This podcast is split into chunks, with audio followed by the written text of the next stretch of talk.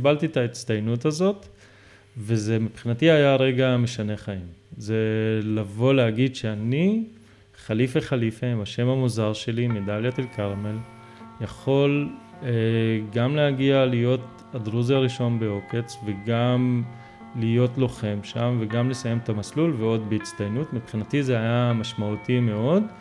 בעולם הקטן שלי. מבחינתי זה היה נקודת התחלה לדברים יותר גדולים שיבואו אחר כך, ובשבילם אני קם כל יום בבוקר ומנסה לכבוש את היום שלי.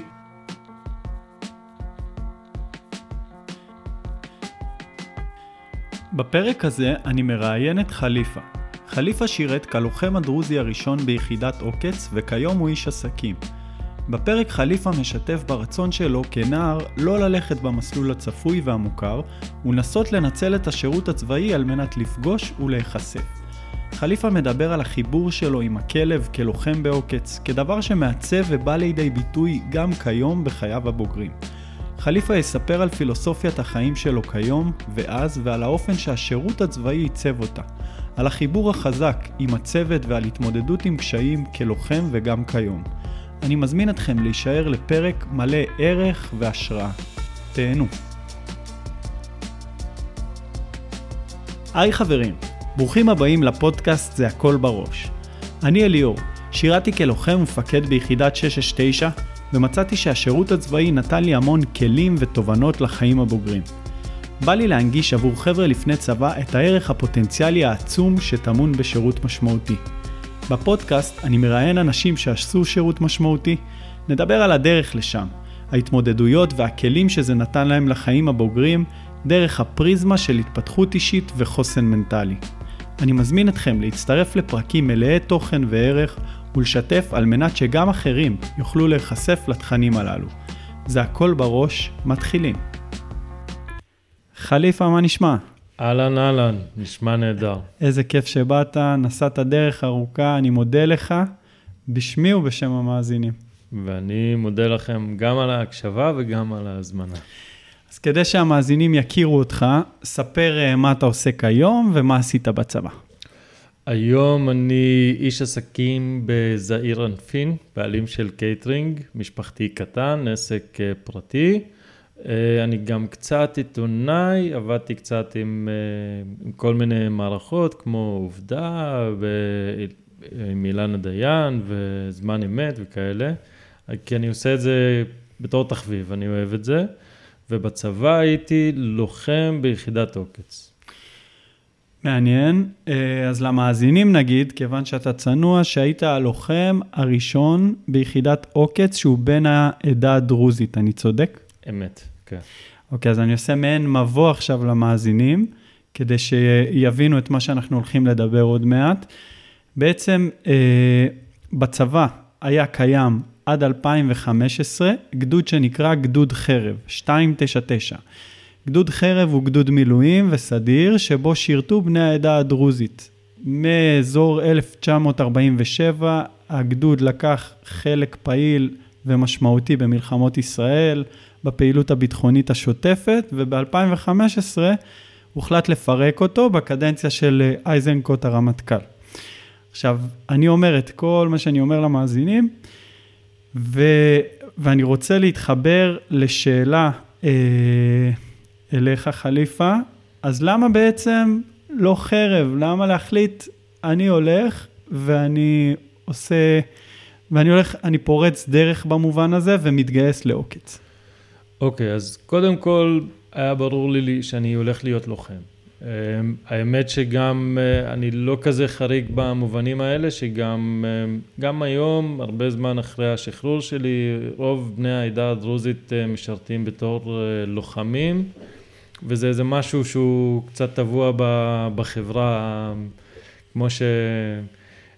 האמת שאספר לך צ'יזבט קטן, לא, לא תכננתי לעשות את זה, אבל במלחמת לבנון השנייה, אחרי המלחמה הייתי בזרעית עם, אה, עם גדוד המילואים של, אה, של, אה, של חרב תכלס, גדוד המילואים של 299, וכשהם נכנסים לאטרף והשירים של, של הלוחמים, אז הם שרים נחנה דרוז מן חוב אל-מות אל-מות בראס אל-ברודה, שזה אנחנו הדרוזים אוהבים את המוות, והמוות נמצא בקצה של הרובה שלנו. אנחנו מאמינים בגלגול נשמות, וזה חלק מהותי בתרבות שלנו ובהוויה שלנו, שאנחנו לוחמים, אנחנו ככה אוהבים לתפוס את עצמנו. האמת שבמובן הזה נראה לי שהיום אה, זה די ידוע בחברה הישראלית, המקום שהעדה אה, הדרוזית תופסים במערכת הביטחון, בצבא, הם כבר נמצאים ב... בעמדות מפתח בצבא, וזה משהו שהוא ידוע. אה, אותי עניין כאילו מה גרם לך באופן אישי להיות הלוחם הראשון בעוקץ. אז זהו, אז התחלתי להגיד שהנחת המוצא זה שלהיות לוחם זה לא ביג דיל מבחינתי, מבחינת אף דרוזי ממוצע, אבל אה, כן היה לי מחשבה של לא משנה מה, אז אני זוכר שהלכתי לבקו"ם עם המחשבה הזאת של לא משנה מה, רק לא גדוד חרב, לא more of the same מה שנקרא, לא להיות בסביבה שבה הייתי, הצבא מבחינתי הייתה הזדמנות של לצאת מאיזושהי חברה סגורה שבה גדלתי כל החיים שלי, וככה הלכתי לזה.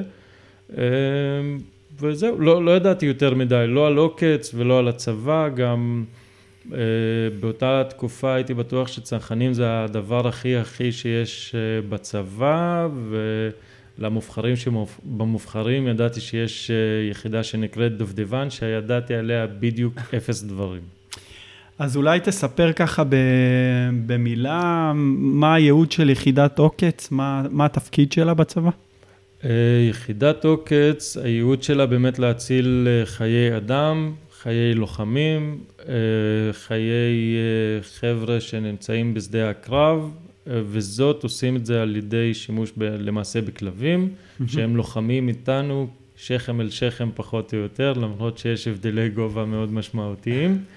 אה, וזה קצת אה, מבאס שלהם אין את הבחירה הזאת, אבל אה, של אם להיות לוחמים או לא להיות לוחמים, אבל בתור מי שהלכתי לעוקץ בגלל שאני אוהב כלבים וידעתי עד היום, זה משהו שמלווה אותי בכל דבר שאני עושה בחיים, שיש להם חיים מאוד טובים והייעוד שלהם הוא מאוד מאוד חשוב. עצוב ככל שיהיה, עדיין חיי אדם זה הדבר הכי חשוב שיש. וואו, נשמע לי כמו שירות מאוד מאוד מעניין. אה, בוא ננסה להבין שנייה את התחנות שעשית בצבא, אה, לאן התגייסת ואיך מצאת את עצמך בעוקץ. אוקיי, okay, אז הניסיון הראשון שלי להתקבל לצנחנים, כמו שאמרתי, הגיע בעקבות זה שכשהייתי בכיתה י' נראה לי, mm-hmm. הלכתי לגדנ"ע, כמו שעושים בכל מיני מקומות, ושם באו חבר'ה, מ...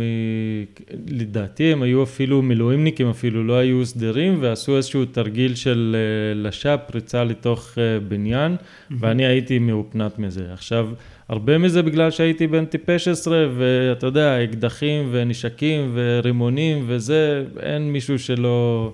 שזה לא מדבר אליו, mm-hmm. לא יודע, ככה אני חושב לפחות. אה, ובאמת ניסיתי לעשות גיבוש לצרכנים, אבל אה, ביום שהלכתי לעשות את הגיבוש לצרכנים זה תפס אותי בתקופה שבה חבר ממש טוב שלי נפטר. הוא התאבד בגיל צעיר מאוד. והייתי במצב נפשי לא הכי טוב, אבל היה לי כזה חשוב שבכל זאת הלכתי, ואת הגיבוש לא עבר. כאילו סיימתי אותו, ידעתי, סימנתי לעצמי וי שסיימתי את הגיבוש הזה, אבל לא הייתי ב, גם לא בהכנה, לא פיזית ולא מנטלית לדבר הזה. Mm-hmm. אבל זה, זה עזר לי אחר כך בגיבוש שעשיתי לעוקץ באמת. ואז אה, כשהתגייסתי בבקו"ם, אה, בבקו"ם הייתי אמור להיות אה, מיועד לגבעתי, mm-hmm. וחשבתי שגבעתי זה, כי היה מה, מהסביבה שלי אנשים שהתגייסו לגבעתי וזה, ואני אמרתי, לא משנה מה, אני לא רוצה להיות קרוב או קשור איכשהו לסביבה שבה אני נמצא, בגלל זה לא, לא התפניתי לגבעתי כמו כל זה. ולמחרת היה גיוס, ל... קראו לזה, לדעתי עוד לא קראו לזה חטיבת כפיר, קראו לזה חירמק או משהו בסגנון, או כן. חטיבת 900. ואני לא ידעתי מה זה. וזה שזה היה עזר לי מאוד, כי זה המחשבה היחידה שהייתה לי. לך למשהו זר, לא קשור אליך בכלל. וכשהגעתי לחירמק באמת, אז, אה, אז אה, פתאום צצו כל מיני דיבורים על גיבוש שאפשר לעשות לעוקץ וזה, ואיך ש... ואני לא הכרתי את היחידה לפני, לא ידעתי כלום עליה, אבל איך שידעתי שיש יחידה של לוחמים שגם עם כלבים, זה כאילו אמרתי, וואלה, I'm all in, בטוח. וואו, זה מעניין, כי באמת הצבא היא הזדמנות אה, מעולה, ככה להיחשף לאנשים שטיפה יותר מגוונים, שבאו ממקומות אחרים, וזה מעניין שכנער ראית את ההזדמנות הזאת. שמע, אה, זה חוכמה של בדיעבד. אני זוכר את המחשבה הזאת כי אמרתי לעצמי, גם זה ליווה אותי גם עם הקטע עם, ה, עם גבעתי שלא הלכתי לשם כי חששתי שיהיה שם עוד, אה, עוד אנשים שהם דומים אליי. Mm-hmm.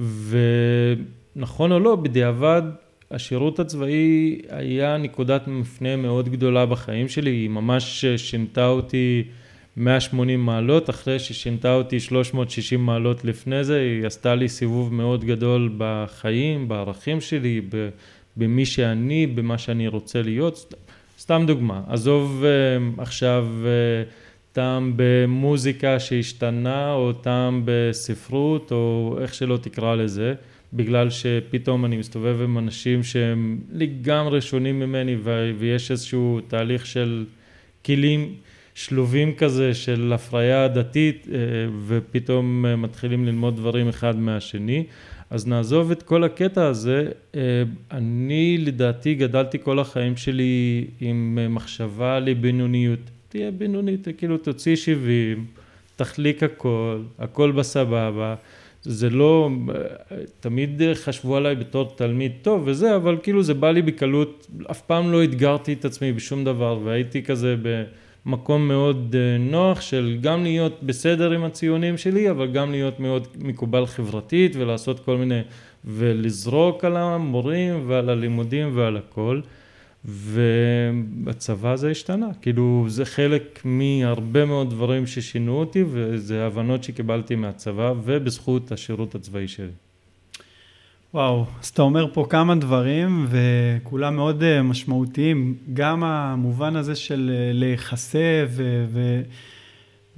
בעצם, אה, לצמוח, להיפגש עם דברים שלא פגשת עד היום, וגם העניין הזה שאתה בסביבה שהיא מאוד דוחפת להשתפר, לשיפור מתמיד, ל- אתה נמצא בין אנשים שמאוד נחושים, שמאוד רוצים להצליח, שזה גורם לך... אני חושב שבאיזשהו מקום הרעיון הזה של הפודקאסט זה, זה להוות את הסביבה הזאת עבור הצעירים, ש, שיתחילו להיחשף לתכנים. שטיפה יותר אה, קדמו אותם במובן הזה של הגיוס לצבא. אה, אותי מעניין אפילו לחזור טיפה אחורה לתקופת התיכון ולהבין, אז כנער, חליפה של גיל 17, מדברים סביבך איך להגיע ליחידה מובחרת, מדברים סביבך על גיבושים, לא, זה לא, קיים? לא, לא, שום, שום דבר מזה. לי היה ברור שאני הולך להיות אה, לוחם, כי בסביבה שבה אני גדלתי, אה, כל אוטובוס שהיית עולה עליו, אה, זה היה סיכון לפיגוע. כאילו, זה, אוטובוסים התפוצצו פה, וה, והמלחמה הייתה פה. זה השנים העליזות של 95, 96, לא עלינו שלא נחזור לזה אף פעם, ו, והרגשת את זה. כל יום שמעת על עוד פיגוע ועוד זה ועוד הרוגים וגם אנשים מהכפר ש, שמתו בעקבות הפיגועים האלה. זאת אומרת זה היה נוכח גם, אה, יש את הקטע הזה של, אה, לא יודע אם אתה יודע, אבל ב, ב, בבתי קברות של דרוזים אין מצבות.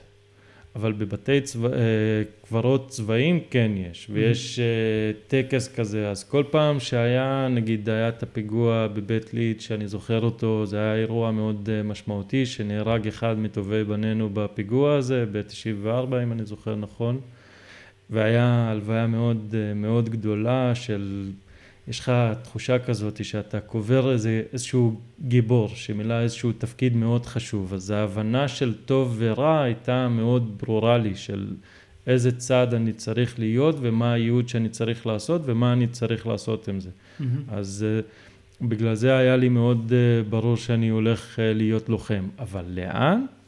לא היה על זה שום דבר. זאת אומרת, היה חבר'ה גדנאיסטים שהיו מגיעים לתיכון, ולפי דעתי הם סתם רצו לי, כאילו לעשות את היומיות שלהם וללכת הביתה.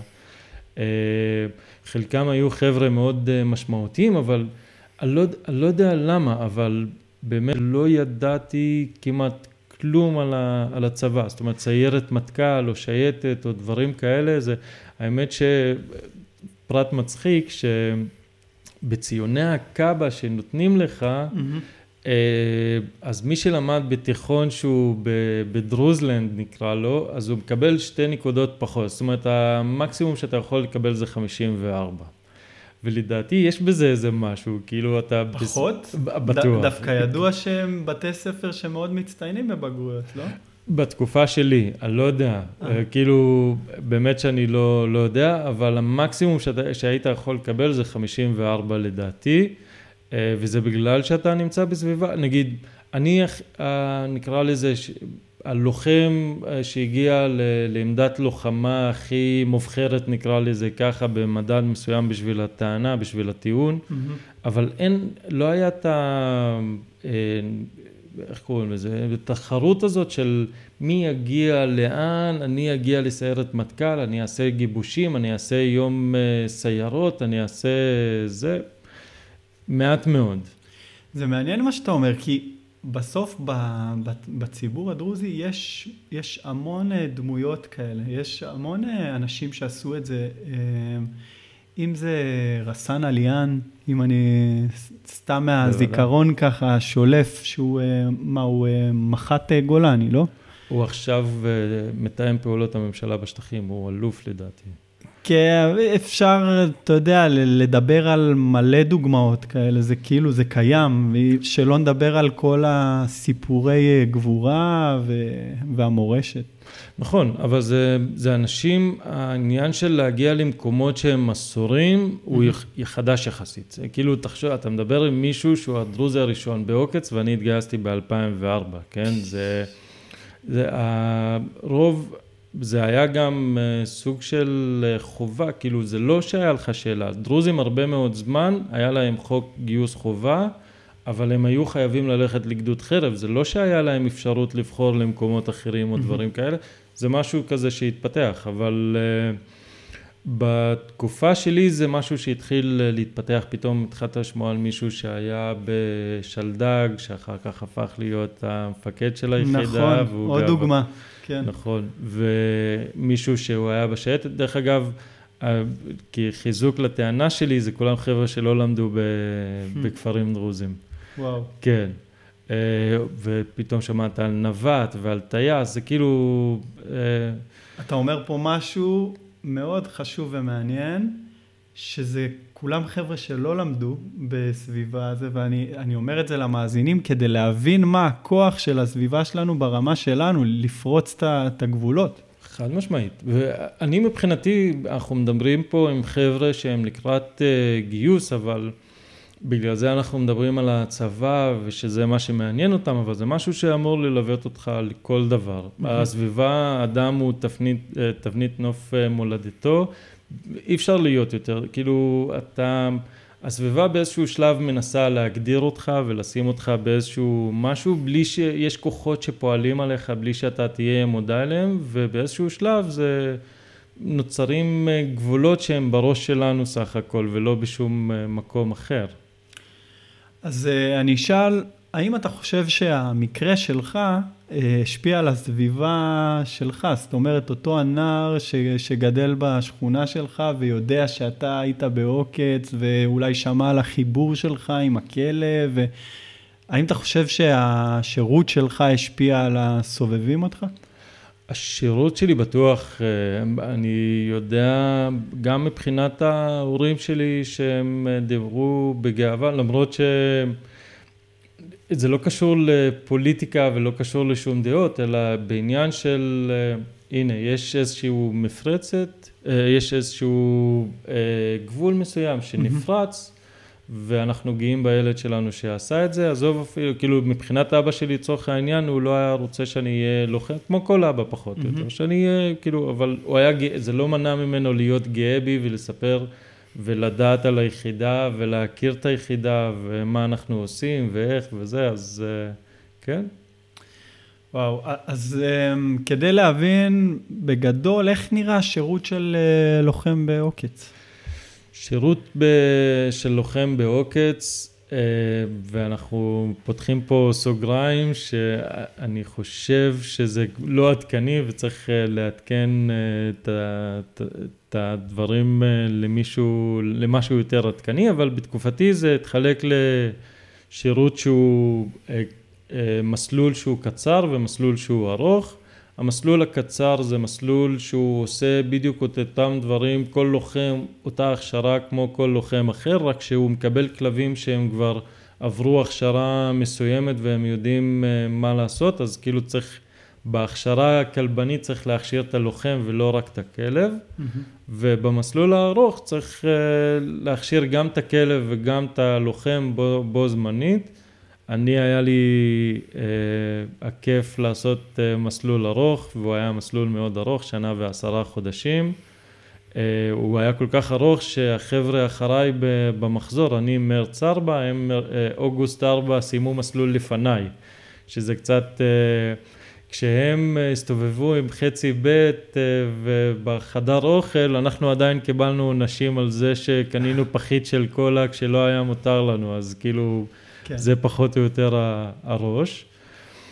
אה, וזהו, זה כאילו, זה, זה, זה שנה וחצי ושנה ועשרה חודשים אנחנו מדברים, כאשר זה מתחלק לטירונות בחירמק או בחטיבת כפיר, סליחה, לא, אה, old habits die hard, מצטער.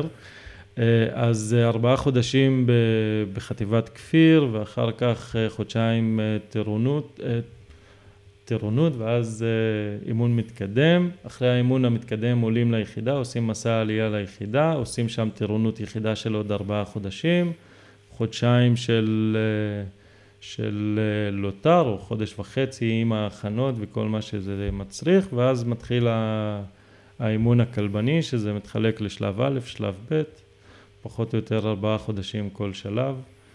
סליחה על המתמטיקה, אבל נראה לי שזה, ממה שאני זוכר, זה, זה היה פחות או יותר הסיפור, אבל זה היה סיפור מאוד ארוך.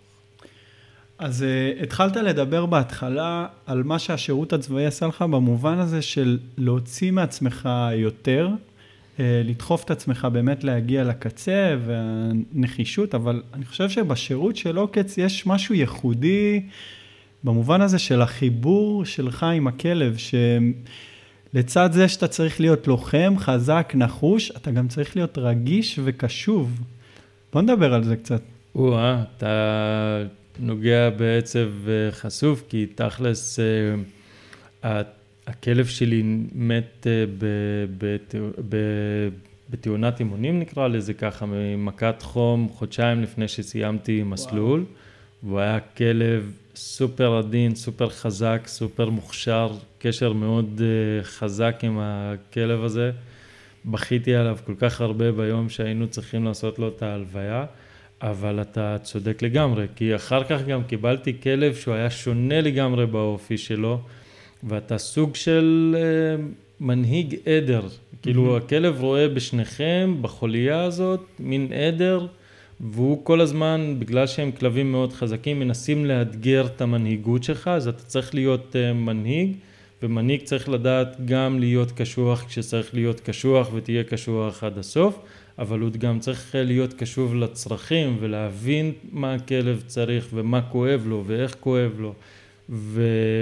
ולדעת להיות מחובר אליו, אז uh, זה קשר מאוד מאוד חזק שהוא מאוד מורכב, זה קצת להיות אבא, אבל גם להיות קצת אה, מורה וגם קצת אה, לא, כאילו, לתת לכלב אה, את היכולת של לפרוח ולהיות חזק וכאילו, אתה יודע, מה שהמפקדים שלך עושים לך, אתה מנסה גם לעשות את זה לכלב, להביא למיצוי של הפוטנציאל שלו. אז, אז זה קשר מאוד מעניין, מאוד נחמד. וואו, אתה אומר פה דברים מאוד יפים, רק על החיבור הזה בין הכלב ללוחם, לבן אדם, אפשר לעשות פרק. אה, ולי יש עוד המון שאלות אליך, אבל אני אשמח אפילו לעשות, שנייה להבין, במובן הזה של הקשר שלך עם הכלב והמנהיגות הזאת ש, שאתה מדבר עליה, איך אתה בסוף יוצא עם הכלים האלה לאזרחות? איפה זה פוגש אותך היום? או-אה, אה, האמת שאני אבא צעיר, ואני חושב שהבסיס להבנה של לטפל במשהו שהוא כל כך תלוי בך בכל, כאילו, אתה יודע, נגיד אה, כלבים בשבת. יש כלבים של שאר הלוחמים שחזרו הביתה ואתה צריך לטפל בהם, אתה צריך לקחת אותם לטיולים, אתה צריך לדאוג שהם אה, יעשו את הצרכים שלהם ולנקות להם את התא ולספק להם חיים, אה, אה, חיי מחיה בסיסיים. והאחריות הזאת זה משהו שמלווה אותי היום, אם נגיד כש, כשהילדה שלי נולדה, אז לי היה, לא הרגשתי לרגע אחד כאילו זה מטלה שאני לא מצליח להתמודד איתה או שקשה לי, זה תמיד לקחתי את זה בקטע של וואלה, אני, אני רגיל לזה ואני אוהב את זה ואני יודע מה הערך של, של, של היצור הזה, נקרא לזה ככה. וזה תמיד, זה כאילו לגעת בשאלה שבאמת, כי יש לי שיחות על זה עם אשתי, ש... ש... שלהיות אבא זה משהו שמלווה אותי עוד מהימים שהייתי לוחם בעוקץ, שהייתי צריך לדאוג לכלב שלי כמו שצריך. אתה מדבר גם על, ה, על המובן הזה שאתה צריך להיות מנהיג להקה, אתה צריך uh, להנהיג, להוביל, אתה בעצם נהיה מפקד מבלי שאתה מבין בכלל שאתה מפקד בתור uh, לוחם צעיר, ואני אומר כאילו, מפקד הוא... הוא צריך uh, להיות ראוי, ראוי להיות מפקד במובן הזה שהוא צריך ל- לעשות את מה שהוא דורש מהפקודים שלו, מהזה. ואני חושב שזו התנסות מאוד מעניינת לנער בן 18 שמתגייס לצבא, גם העניין הזה של האחריות לדאוג למישהו שהוא תלוי בך, אבל גם uh, להוות דוגמה, להנהיג, uh, להיות מה שאתה דורש מאחרים. לגמרי, אתה גם... תעזוב את זה, תיקח את זה שבסופו של יום מה שמיוחד, הדבר הכי מיוחד בשירות בעוקץ זה שאתה קצת כדי להשתמש ב... בציר... ב... איך קוראים לזה? לא. בדימויים? לא, רציתי להגיד שכדי להתחכם קצת, אז אני אגיד, צריך להיות זאב בודד, במשחק מילים, הנה, זו המילה שחיפשתי. אז כדי להשתמש במשחק מילים מעניין, צריך להיות זאב בודד, כי...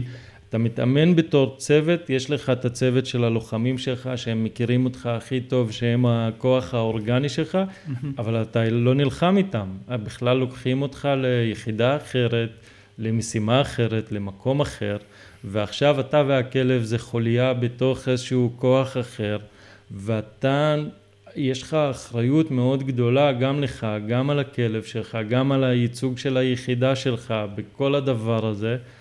ואתה חייב להיות מישהו בעל אופי חזק, כי לפעמים אתה גם צריך להגיד, לדעת להגיד לא, mm-hmm. וכי כי קל, כי קל להגיד כן, וכשאתה אומר כן, אז כאילו אתה אומר לעצמך לא, ואתה פתאום בסיטואציה שאתה התחייבת לדברים שאתה אסור לך לעשות אותם, או שהם מסוכנים, או שהם מסכנים או את השם שלך, או את הכבוד של היחידה, או ש...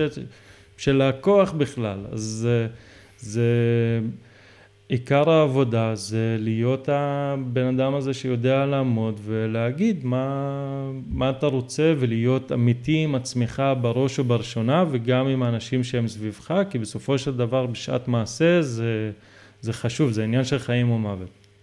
אז תוך כדי שאתה מספר על האופי של אה, לוחם ביחידת עוקץ שהוא בעצם עובר בין יחידות, אני חושב על אולי עוד תכונה ש... שהיא צריכה להיות חלק מסט הערכים והתכונות של לוחם בעוקץ, שזה אולי ההסתגלות, היכולת להסתגל, כי כשאתה מגיע לגדוד חדש, שהאופי של הפעילות שלו הוא שונה, ושבוע לאחר מכן אתה, אתה בגדוד אחר, אז בעצם מפתח אצלך איזושהי יכולת להסתגל לאנשים, לסביבה, לתכנים. חד משמעית. הבן אדם הוא חיה פוליטית ואתה חייב לדבר לאנשים בשפה שלהם ובדרך שלהם ולדעת גם ב...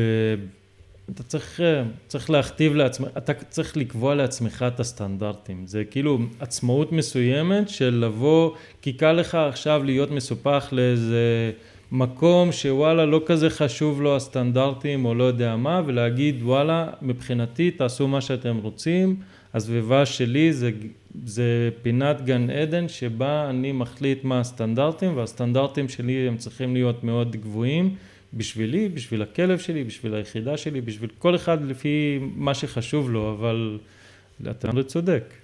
וואי, אתה אומר פה משהו מדהים במובן הזה של הסטנדרטים שלי, ש, שזה יפה, כי כאילו, אתה יודע, גם אנחנו, כשאנחנו יוצאים מהצבא, כל אחד והשירות שלו יוצא מהצבא עם איזשהו סטנדרט שהוא קיבל ביחידה כזאת או אחרת.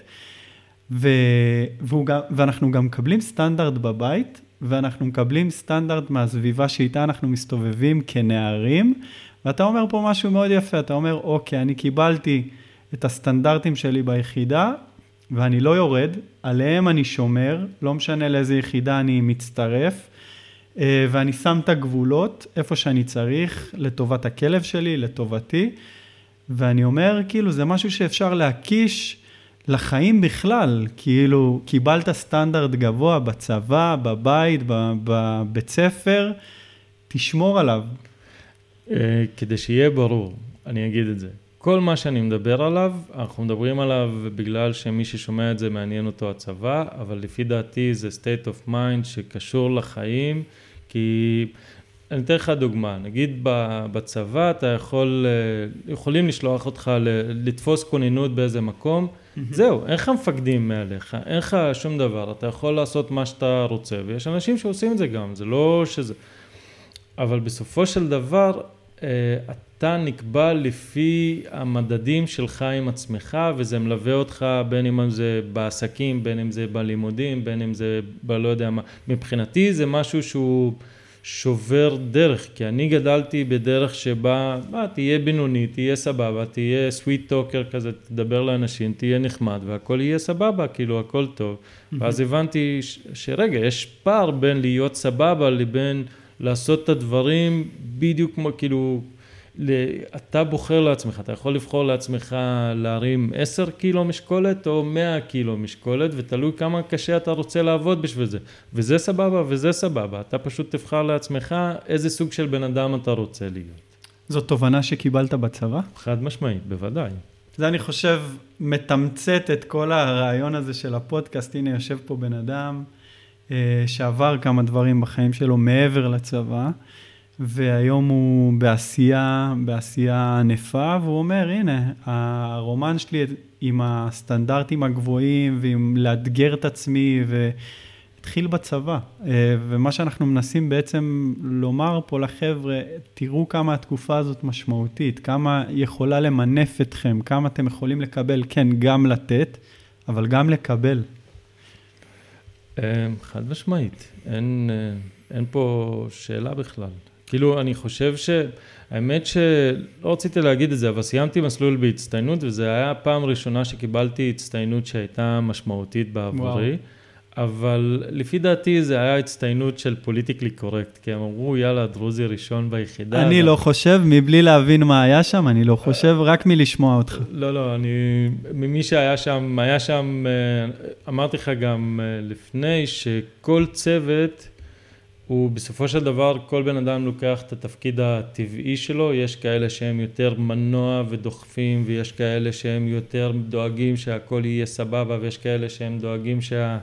שיהיה מוזיקה ויש כאלה שדואגים להיות ג'וקרים ולא יודע מה, אני הייתי קצת, קצת מהכל, אז אני לא הייתי המצטיין של המסלול, אני יכול להגיד את זה בפה מלא, אבל קיבלתי את ההצטיינות הזאת וזה מבחינתי היה רגע משנה חיים. זה לבוא להגיד שאני, חליפה חליפה, עם השם המוזר שלי, מדליית אל כרמל, יכול אה, גם להגיע להיות הדרוזי הראשון בעוקץ וגם להיות לוחם שם וגם לסיים את המסלול ועוד בהצטיינות. מבחינתי זה היה משמעותי מאוד בעולם הקטן שלי. מבחינתי זה היה נקודת התחלה לדברים יותר גדולים שיבואו אחר כך, ובשבילם אני קם כל יום בבוקר ומנסה לכבוש את היום שלי, כי לכולנו יש, החיים הם סדרה של, של דברים שבהם אתה יכול לבחור.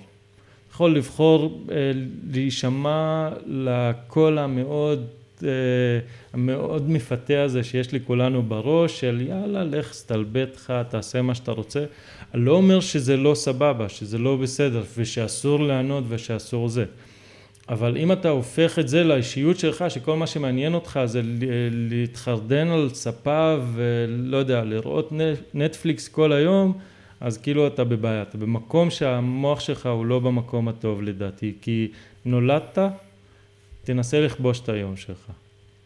וואו, אתה אומר פה דברים uh, ממש מרגשים ונכונים. אני, אני שואל שאלה גדולה, אוקיי? שאלה מורכבת שהיא גם משתנה מתקופה לתקופה, אתה יודע, גם בתקופה של הצבא היא יכולה לקבל כל מיני זוויות, אבל למה? למה לעשות מסלול כל כך קשה? למה ל- לשבור את uh, תקרת הזכוכית כאילו ו- ולפרוץ דרך ביחידה חדשה? למה uh, לסגור שבתות, ל- להסתכן? למה? מה היה הלמה שלך אז? Um, הלמה הוא מורכב מהרבה מאוד דברים.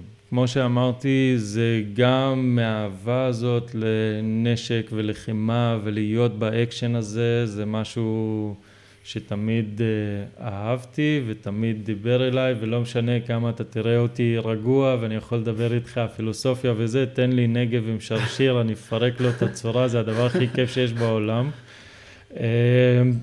כי אין מה לעשות, זה חלק מאוד מהותי ממה שאנחנו, יכול להיות שככה גם הורכבנו, ביולוגית לדעתי, שזה מה שאנחנו, אבל גם אמרתי לך, נתחיל מהבסיס, הבסיס היה מאוד ברור לי באותה תקופה של אני עושה משהו כי באותה תקופה אה, אימא שלי אה, פתחה דוכן בתחנה המרכזית בתל אביב ומבחינתי להגן על הבית זה תל אביב או דליית אל כרמל זה אחד, זה, זה, זה המולדת. וזה מי שאנחנו, ואם אני לא אעשה את זה, אז זה סתם יהיה מבחינתי לברוח מאיזושהי חובה שיש עליי, אני צריך לתת את הגרוש שלי לדבר הזה.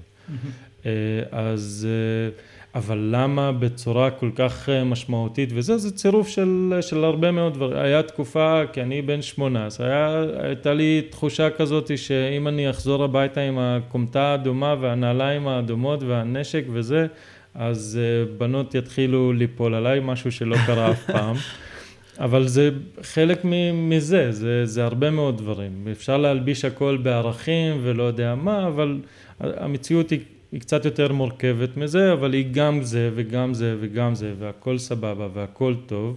העיקר הכי חשוב זה שלי, לעצמי, לכל בן אדם, יש את היכולת לבחור, והבחירה הזאת, אני יכול לעשות אותה כל יום מחדש. Mm-hmm. אני יכול לבוא, אה, להתאהב בכישלונות שלי ובלמה שמו לי מעצורים ולמה לא הצלחתי ולמה לא זה. משהו נגיד שליווה אותי באזרחות. הנה דוגמה, אני יכול לספר לך. אה, אני לא ידעתי מה אני רוצה ללמוד אחרי הצבא, mm-hmm.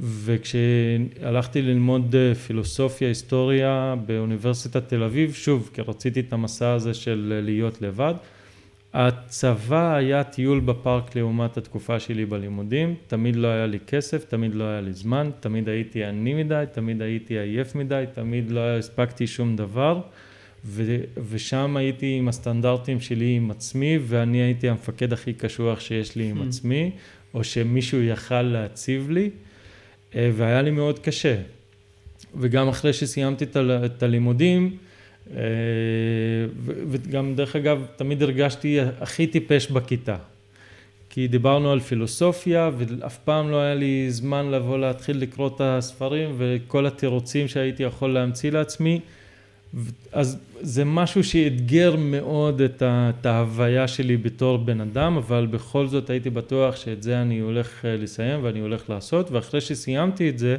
אז התחלתי לשלוח קורות חיים. רציתי להיות עיתונאי ו... או משהו, ובאיזשהו שלב, אה, אני זוכר, זה היה התקופה שהתחיל ישראל היום, אז מבחינתי הנקודת שפל זה ששלחתי קורות חיים לישראל היום, כאילו כי זה לא בגלל משהו, אלא בגלל שזה חינמון ושזה, ו...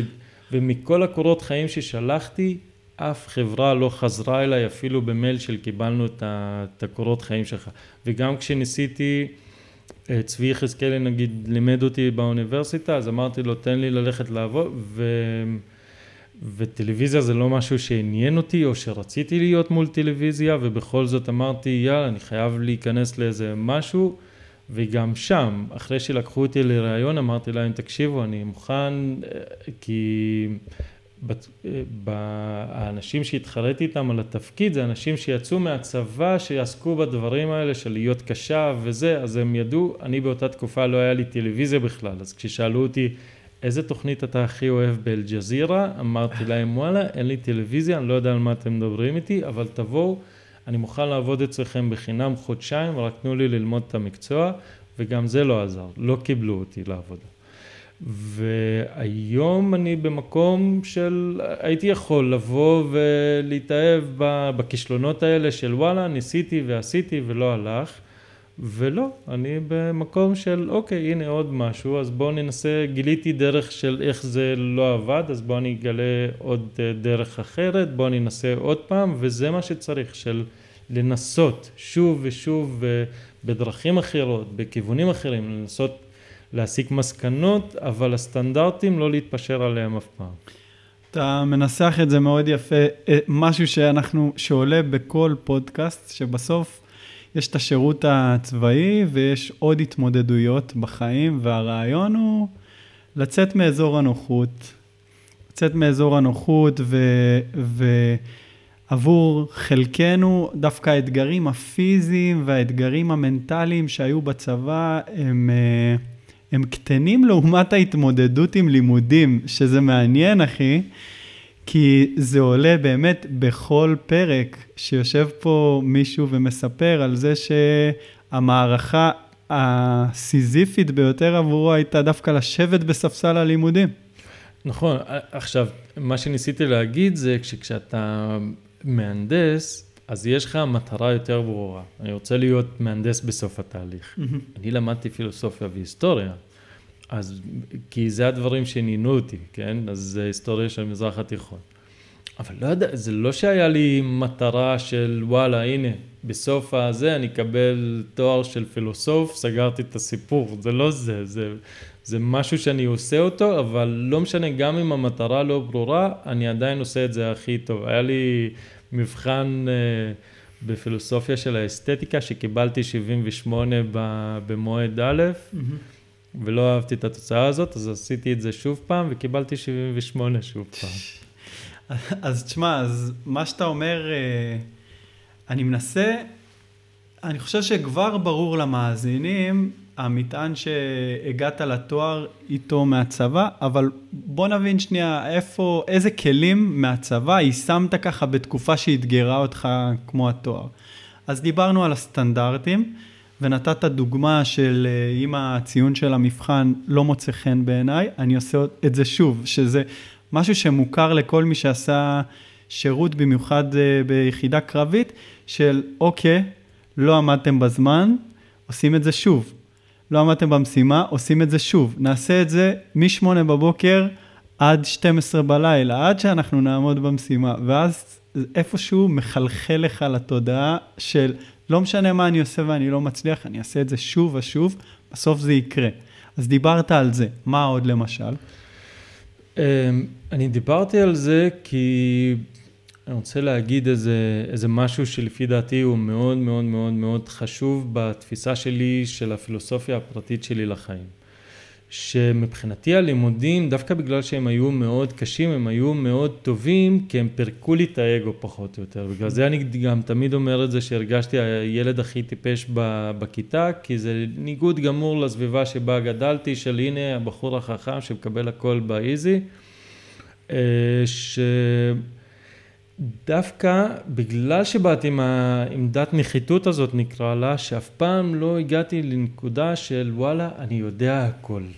אני מסודר מהכל. תמיד, עד הרגע האחרון בתואר שלי, תמיד הרגשתי שיש לי עוד מה ללמוד ועוד מה להבין, ולא משנה כמה זמן אני מתעסק בדברים, אז תמיד יש עוד מה ללמוד. ואם אתה מאמץ לעצמך את המחשבה הזאת של אה, להיות לומד מתמיד, גם אם, גם אם העבודה שאתה תיקח היא להיות מתדלק, אני לא יודע מה. Mm-hmm.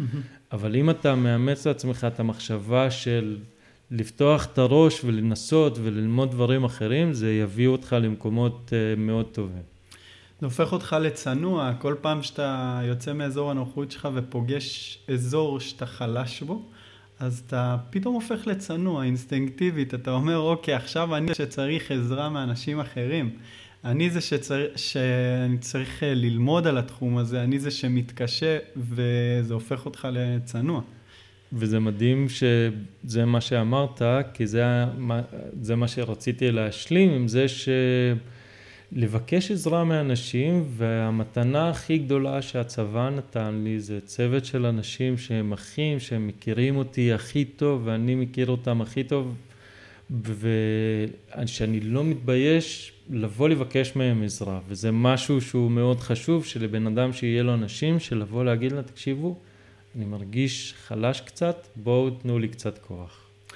איזה כיף לשמוע את זה, ואני חושב שאפילו אם אנחנו עושים עוד, אפילו זום אאוט, אני מתקשר, אני התקשרתי אליך, סיפרתי לך על הפודקאסט, ביקשתי ממך לבוא להתראיין, ואמרת, כן אחי, אני בא. נסעת לא מעט, פינית לא מעט זמן. אני חושב שיש איזה משהו שקורה שם בשירות הצבאי, שמייצר איזשהו מכנה משותף בין מי שעשה את זה, שנייה ל- לראות אחד את השני, ל- לשים כתף, ל... אני לא יודע להגדיר את זה אפילו במילים, מה קורה שם, אחי, אבל החוויה הזאת, אחי, גורמת לך שנייה להבין שיש משהו טיפה יותר גדול ממך, ושנייה, את היכולת הזאת לס, לשים את עצמך בצד בנקודות מסוימות, וסליחה על המאזינים, על זה שאנחנו מדברים דברים מאוד גדולים, אבל כל הזמן זה עולה. זה עשוי להישמע כקלישאות, זה עשוי להישמע כדברים גדולים, הדברים האלה מקבלים משמעות ב... כשאתה חווה את זה, באמת. אמרת, אי אפשר להגדיר את זה, וממני אתה לא תקבל הגדרה לדבר הזה, אבל... Uh... בהחלט, וזה גם אה, מאוד אה, מתקשר לזה ש, שאתה מבין שיש אה, דברים שאי אפשר להגיד אותם במילים, אבל אתה, ברגע שאתה מסדר לעצמך את הערכים הבסיסיים, והצבא הוא דבר מאוד טוב לתת לך את הערכים האלה, האידיאולוגיה, הבסיס שעליהם אתה עומד, כל אחד יכול לקחת את זה לכיוונים שלו, יש כאלה שיקחו את זה להתפתחות אישית, יש כאלה שיקחו את זה לציונות, יש כאלה שיגידו אהבת המולדת, כל אחד בעולם האישי שלו אה, שייקח את זה לאן שהוא רוצה, אבל הבסיס, הדברים הוא לכבוש כל יום מחדש את היום שלך, את העולם שלך, וזה יוביל אותך גם למקומות שבהם אתה תתחבר לאנשים, אתה תפגוש אנשים וקצת לפתוח את הראש ולדעת, אוקיי, מה אני יכול להוסיף לדברים. אז אמרת את זה יפה. אני להגדיר לך את זה, אני לא יודע. האמת שבפרק הקודם אה, דיברנו עם אמיר מנחם, מי שלא שמע מוזמן אה, להאזין לפרק הזה, והוא דיבר על זה שחוויה בסוף מעצבת אותנו. החוויות שלנו מעצבות אותנו, והבעיה של הדור היום, שהוא סובל מהיעדר חוויות. אתה יודע, בסוף כשאתה יושב מול המחשב, או מגולל למטה בפייסבוק, או רואה נטפליקס, אז, אז אתה לא חווה. והצבא זה איזושהי חוויה אינטנסיבית, כאילו שאתה, חוויה פיזית, חוויה חברתית, חוויה מנטלית. וכמו שאתה אומר, אחי, היא מעצבת אותך, כל אחד מתעצב וגוזר מזה את התובנות לחיים שלו בצורה אחרת, אבל החוויה. אני חושב שזה גם העניין של הגיל, אה, שזה תופס אותך בגיל שבו אתה הופך להיות באמת מנער למבוגר צעיר, נקרא לזה ככה. כי יש דברים שמתאימים לך כשאתה עדיין חמום מוח והראש שלך כזה, אתה מחפש עם מי לריב ואיך לריב ויש לך מלא דמויות סמכותיות בעולם שמנסות להגיד לך מה נכון ומה לא נכון. באחד החיבורים שלי בצבא, אני חושב, באוניברסיטה, אז כתבתי ש... אני בן מיעוטים, ובגלל שאני בן מיעוטים, אז אף פעם לא ידעתי להבדיל מה טוב ורע. כי כל מה שהבנתי כטוב ורע, זה משהו שמישהו אחר הצב בראש שלו והביא לי, והבנתי, אוקיי, זה טוב, זה לא טוב. Mm-hmm. וככה חייתי את העולם שלי. אבל הצבא נותן איזשהו כוח עצמי פנימי של לנסות להבין מה אני יכול, כי החיים הם לא, הם לא מעצבים אותך, לפי דעתי. ש... החיים הם רצף רנדומלי של אירועים ואתה יוצר לעצמם, לעצמך איזשהו סיפור בכל הדברים האלה כי אתה יכול, אותו אירוע אני ואתה יכולים להסתכל עליו, אני יכול להסיק ממנו א', אתה יכול להסיק ממנו ב', mm-hmm. בסופו של דבר זה סיפורים שאנחנו מספרים לעצמנו ומי ששומע את הפודקאסט הזה זה כבר מישהו שנמצא בראש של לבוא ולספר לעצמו איזשהו סיפור שהוא, שהוא רוצה ואני מנסה להגיד של לך יש הרבה מאוד כוח למרות כל מה שנראה לך כחולשות ויכול להיות שיש הרבה פערים בין איך שאני מדמיין את עצמי לבין מה שהייתי רוצה להיות וזה משהו שילווה אותך כל החיים. לא משנה כמה מוצלח אתה תהיה וכמה כסף יש לך בחשבון בנק ואיזה הישגים עשית תמיד אנשים יש להם גם נטייה להעריך דברים שליליים יותר מדברים חיוביים. זה תמיד ילווה אותך אבל ברגע שאתה יודע לבוא לפרק הכל ולהסתכל על זה ולדעת לשים לעצמך איזשהו כוח של לנתב לעצמך את המסלול החיים שאתה רוצה אז אתה בעמדה של גם בלי לשים לב של מנהיגות, של אחריות, של, של להיות אה, פורץ דרך באיזשהו אופן. אה, בוא נדבר קצת על קשיים קשיים שצצו במהלך השירות, זכור לך איזה כמה פיקים כאלה שהם חוויות מעצבות? אמ, תקשיב, טרטרו אותנו הרבה. זה היה לנו, עד היום אני חושב שמי שמדבר על, אה, על מרץ ארבע מרדפים, מדברים על גדי שהיה מדריך קשוח, אין כמותו עד היום, כולם דיברו על על זה שעברנו את המסלול הכי קשה ביחידה בגלל שהבן אדם היה קצת פנאט, חייבים להגיד. אבל מצד שני, בגלל שעברנו דברים כל כך אה, חזקים, א', הכל עבר, mm-hmm. נגמר, אני ואתה יושבים פה, ומצד שני, זה עשה אותנו חברים מאוד טובים. כאילו, אני מנסה להגיד לך כבר כמה זמן במילים לא מילים, mm-hmm. אני בדאלית אל כרמל, אנשים שהם מכירים אותי הכי טוב לא נמצאים בדאלית אל כרמל, אלא נמצאים בכל מיני מקומות בארץ, והם אנשים שעברו איתי עד היום, ביום שישי, יש לי זום עם אה, פעם בשבועיים עם חבר אחד שנמצא בניו יורק ואחד שנמצא בהודו ואנחנו מדברים כאילו עכשיו אה, ישבנו, כאילו לא, שום דבר לא השתנה ב-15 שנים האחרונות. אתה אומר פה משהו חזק מאוד, אתה אומר, האנשים שמכירים אותי הכי טוב, לא נמצאים בסביבה שבה גדלתי, נמצאים מפוזרים בעולם, אלו החברים שלי לצוות. כן. למה, למה הם אלו שמכירים אותך יותר טוב? אולי בגלל מה שעברתם ביחד? חד משמעית, כי כשאתה עובר מסלול כל כך קשה עם אה, אנשים ואתה אתה ממש כאילו מגיע לנקודות השבר שלך. נגיד, אה, קח דוגמה מסעות. היה לנו איזה מסע כשהיינו בטירונות, לא יודע מה קרה שם באמת, אבל היינו צריכים לעשות את אותו המסע 18-3 לפי דעתי, באיזה 3-4 פעמים. משהו לא ברור כל כך, אבל... לעשות את, כאילו, אם זה היה מס, אה, מסלול אחר או מסע אחר, זה היה נהיה יותר, אה, שוב פעם, אותו דבר וזה. כן. ושם אני נגיד גיליתי איזה משהו מאוד מעניין, כי במסע הזה היה פעם אחת שאני הייתי ניטרלי, פעם שזה תפס אותי שהייתי מאוד עייף, ובפעם האחרת שהייתי מאוד חזק ומשכתי אנשים. וגיליתי משהו מאוד מעניין, שהאנשים שהכי סובלים הם אלה שהם נגררים, ושהם כאילו עייפים ומחפשים כל הזמן שמישהו שיעייף אותם. אבל אז המוסר הסקל של זה באמת של תנסה להיות uh, מהצד המושך, לא אומר לא לבקש עזרה, אבל יש הבדל בין לבקש עזרה לבין להיטפל לאנשים ולנסות שיגררו אותך אנשים אחרים, כי זה לא דרך טובה לחיות את החיים שלך. אז זה כמשל על החיים עצמם. אבל מה שאני אומר זה שכשאתה עובר דברים כל כך קשים, אתה לא יכול לזייף שום דבר. כאילו גם אם אתה מנסה לזייף עם אה, אנשים סביבך באיזשהו שלב אתה אין, אתה עייף, אתה שבור, אתה הולך בזמן שאתה אה, מנמנם, אין, אי אפשר לזייף את זה. אז אנשים שהיו איתך בדבר הזה, זה משהו שמחבר אותך לכל החיים. זה מישהו של לבוא, לא יודע, אה, זה מביא אותך לרמה של אינטימיות מאוד מאוד מאוד גבוהה. דרך אגב, נגיד, אחד, אחד המכשולים הכי קשים שיש לנו, אנחנו נפגשים הצוות uh, פעם בשנה לפחות, mm-hmm. יוצאים לטייל בכל מיני מקומות וזה.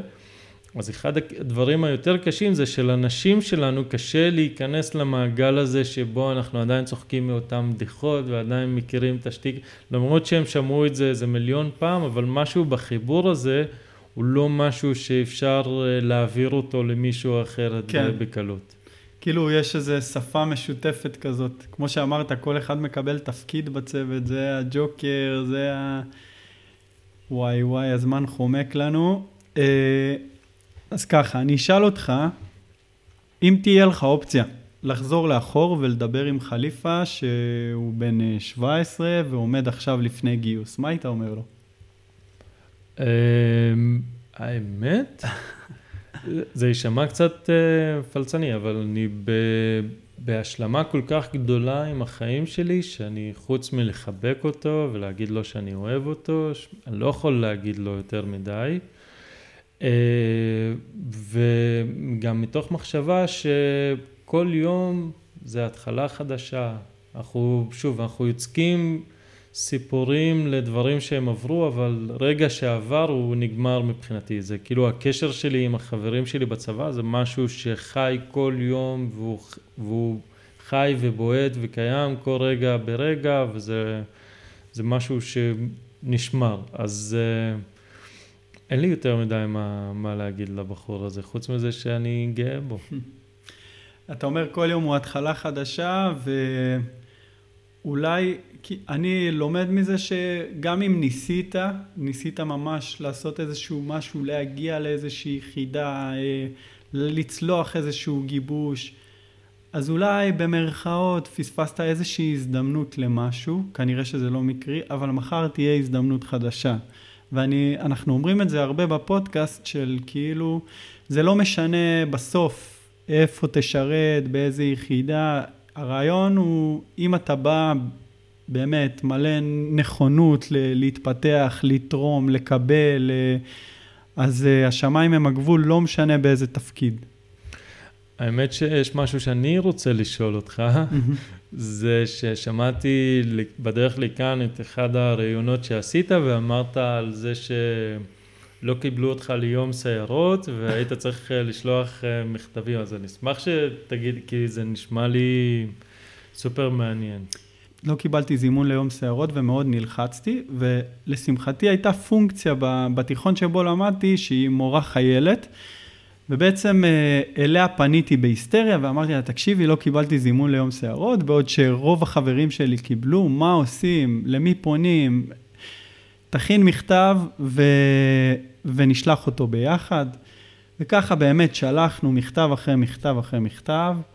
ולשמחתי הם התייאשו ואמרו, אוקיי, כשהמהות של המכתב שלי היה, בואו תנו לי להפגיש אתם עם נער שאתם לא רואים דרך המחשב. זה המהות של, ה, של המכתב. מדהים, ו... ואתה יודע למה לא זומנת? אין לי מושג, אני אגיד לך את האמת, זה פחות עניין אותי, כי... כי אמרתי, אני עכשיו מתעסק באיך להגיע, כאילו, זה, זו הסיטואציה, אני מתעסק באיך להגיע, ואני חושב שהרבה מהפודקאסט הזה, הוא בא מהמקום הזה של, של אותו נער שלא, היה לו אפס מידע בנוגע לאיך עושים את זה, איך מגיעים, לא היה לו מישהו שיגיד לו, וואלה, תשמע, אתה יכול, למרות שלא קיבלת יום שערות, או למרות ש... שהיית חלש בלימודים, או למרות ש... וזה עולה בכל ראיון שאנחנו עושים פה, כל אחד מספר על האזורים שבהם הוא היה חלש, וזה אנשים שעשו את זה. אז אני חושב שהרעיון של הפודקאסט הזה זה שאותו נער ישמע את זה ויבין שגם אם הדברים לא עובדים חלק, אוקיי? וגם אם יש התמודדויות בדרך, אז, אז אפשר ויש אנשים שעשו את זה, ושווה, שווה, שווה להילחם על זה, כי הנה אתה בריאיון עכשיו איתך של אה, שעה ומשהו, אנחנו מבינים כמה, כמה השירות הצבאי השפיע עליך וכמה ש... שהוא ממשיך איתך הלאה לכל החיים. אני, אתה יצאת, אני קיבלתי, הזימון היחידי שקיבלתי מהצבא זה לבוא להיות אה, נהג משאית. וואו, אז גם זו... אתה במובן הזה נלחמת על ה... אני חושב אה, אז שנפגעתי מזה בצורה מאוד קשה של מה ג'ובניק, אתם רוצים שאני אהיה ג'ובניק? זה... אתם יושבים לכם שם מול המחשב. מסתכלים עליי ורואים נהג משאית, זה מה שאתם רואים, וזה, וזה טלטל אותי ממש, זה היה כזה, רגע, אולי אני כזה גרוע, או לא, לא שנהגי משאיות הם גרועים, פשוט כי רציתי להיות לוחם, אז כאילו היה לי מוזר שהם לא ראו את זה איכשהו באורך פלא במחשבים שלהם שאני רוצה להיות uh, לוחם, אז כאילו היה לי מאוד uh, מוזר, ואני זוכר שהיה לי... תפסתי איזה בחור שהיה חייל באותה תקופה ואמרתי לו, תקשיב, קיבלתי זימון להיות אה, נהג משאית, מה אני עושה עם זה? אז הוא אמר לי, תקשיב, הצבא, יש לו חורים של כוח אדם, אז הוא רואה שחסר לו פה, אז הוא מתחיל לשלוח, נראה לך מישהו יודע מי אתה, וזה כאילו, זה הרגיע אותי ממש. זה... אז אני שמח, אני שמח שאתה משתף, אה, ואני שמח גם שהרבה חבר'ה שמתראיינים פה באמת מדברים על ה... על הדברים שלא הלכו להם חלק, כדי שאותם נערים באמת שיושבים שם יבינו שזה לא גזירת גורל ושאפשר לשנות ושאפשר לדחוף לכיוון הזה וזה שווה, שווה להילחם. ובהקשר הזה, אני אשאל אותך ככה שאלה לסיום, איזה שלושה טיפים היית נותן לנער שעכשיו עומד אה, לפני צבא? אה, אה, טיפים. הטיפים, אם אני אסכם אותם, זה אחד, לאמץ את המחשבה של uh, ללמוד mm-hmm. ולא לדעת כל דבר, וב', לא לפחד מכישלון. כאילו, ברגע שאתה מאמץ את זה שכישלון זה איזושהי עוד, עוד דרך לעבור לאנשהו, והאמונה שברגע שיהיה לך מספיק כוחות של להיכשל שוב ושוב ושוב, כמו הדרך ארוכה או מפותלת, אני נופל וקם. אני, כשנגיד היום בחיי הבוגרים, גם כשאני מרגיש שלא הולך לי בעסקים, לא הולך לי בזה, או היה לי איזה יום רע, אז אני אומר לעצמי, אני שר את זה, הדרך ארוכה ומפותלת, אני נופל וקם, נופל וקם, ואז אני יודע, אוקיי, אני בנפילה עכשיו, אני אקום, אני אראה מה לא עבד עכשיו, כי זה נגמר, זהו, סבבה. מזה יש לי רק איך ללמוד ואיך לבנות את הסיפור שלי ולהמשיך אה, הלאה. אז אה, שזה מתחבר ללהיות אה, לומד. והטיפ האחרון זה שלדעת לבחור. כי, שמע, החיים הם עומדים על איזושהי, כי כשהלכתי ללמוד פילוסופיה אז אמרו לי, מה אתה בישראל? מה אתה הולך? לך תלמד משהו פרקטי, לך אה, תעשה, כאילו, תהיה עורך דין, תהיה זה. אני לא יכול למצוא משהו יותר פרקטי מללמוד פילוסופיה. פילוסופיה מלווה אותי בסופרמרקט כשאני הולך לקנות. כי החיים שלנו עומדים על אה, מצע של רעיונות או של תובנות או זה. אפשר לבחון אותם, אפשר לפקפק בהם, אפשר זה, אבל ברגע שהנחת את הרעיונות האידיאולוגיים שלך של מה אתה רוצה ואיזה סוג של בן אדם אתה רוצה להיות, ועם ההבנה שיש לך את הכוח לבחור לעצמך את אותם ערכים, ולבחור ולברור מה מתאים לך ומה פחות מתאים לך, אז הכל נהיה יותר, יותר ברור. נגיד, כשאני יוצא לריצות היום, ויש לי פעמים שוואלה, לא בא לי עכשיו לקום, להתחיל לצאת ל, לריצה. ואז כשאני בתוך הריצה, אז אני רואה שקשה לי, אז כאילו יש לך את הקול הזה של, יאללה, תשב, תנוח, תרשו, תנשום קצת אוויר. אבל אני תמיד מדמיין לעצמי, נגיד, את הילדה שלי עומדת בקצה המסלול, ואני רוצה, איזה סוג של בן אדם אני רוצה להיות לילדה שלי? כזה שמוותר ואומר שכואב לו, או שגם אם אני מוריד קצב, או לא יודע מה. איזה סוג, מה אני עושה עם זה, זה פחות חשוב, זה אלא יותר המחשבה של איזה סוג של בן אדם אני רוצה להיות, וזה לפי דעתי משהו שיכול ללוות אותנו בחיים בכל רגע. וואו, אה, סיכמת את זה יפה מאוד. תשמע, היה לי סופר מעניין, באמת. אני חושב שהפרק הזה מאוד מאוד מעניין ויתרום הרבה למי שישמע אותו. אני רוצה להגיד לך המון המון תודה. בכיף, בכיף. האמת, תודה על ההזמנה ושמחתי מאוד uh, להכיר אותך ותענוג גדול, באמת. זה הדדי. Uh, תודה רבה. תודה לכם uh, המאזינים וניפגש בפרק הבא.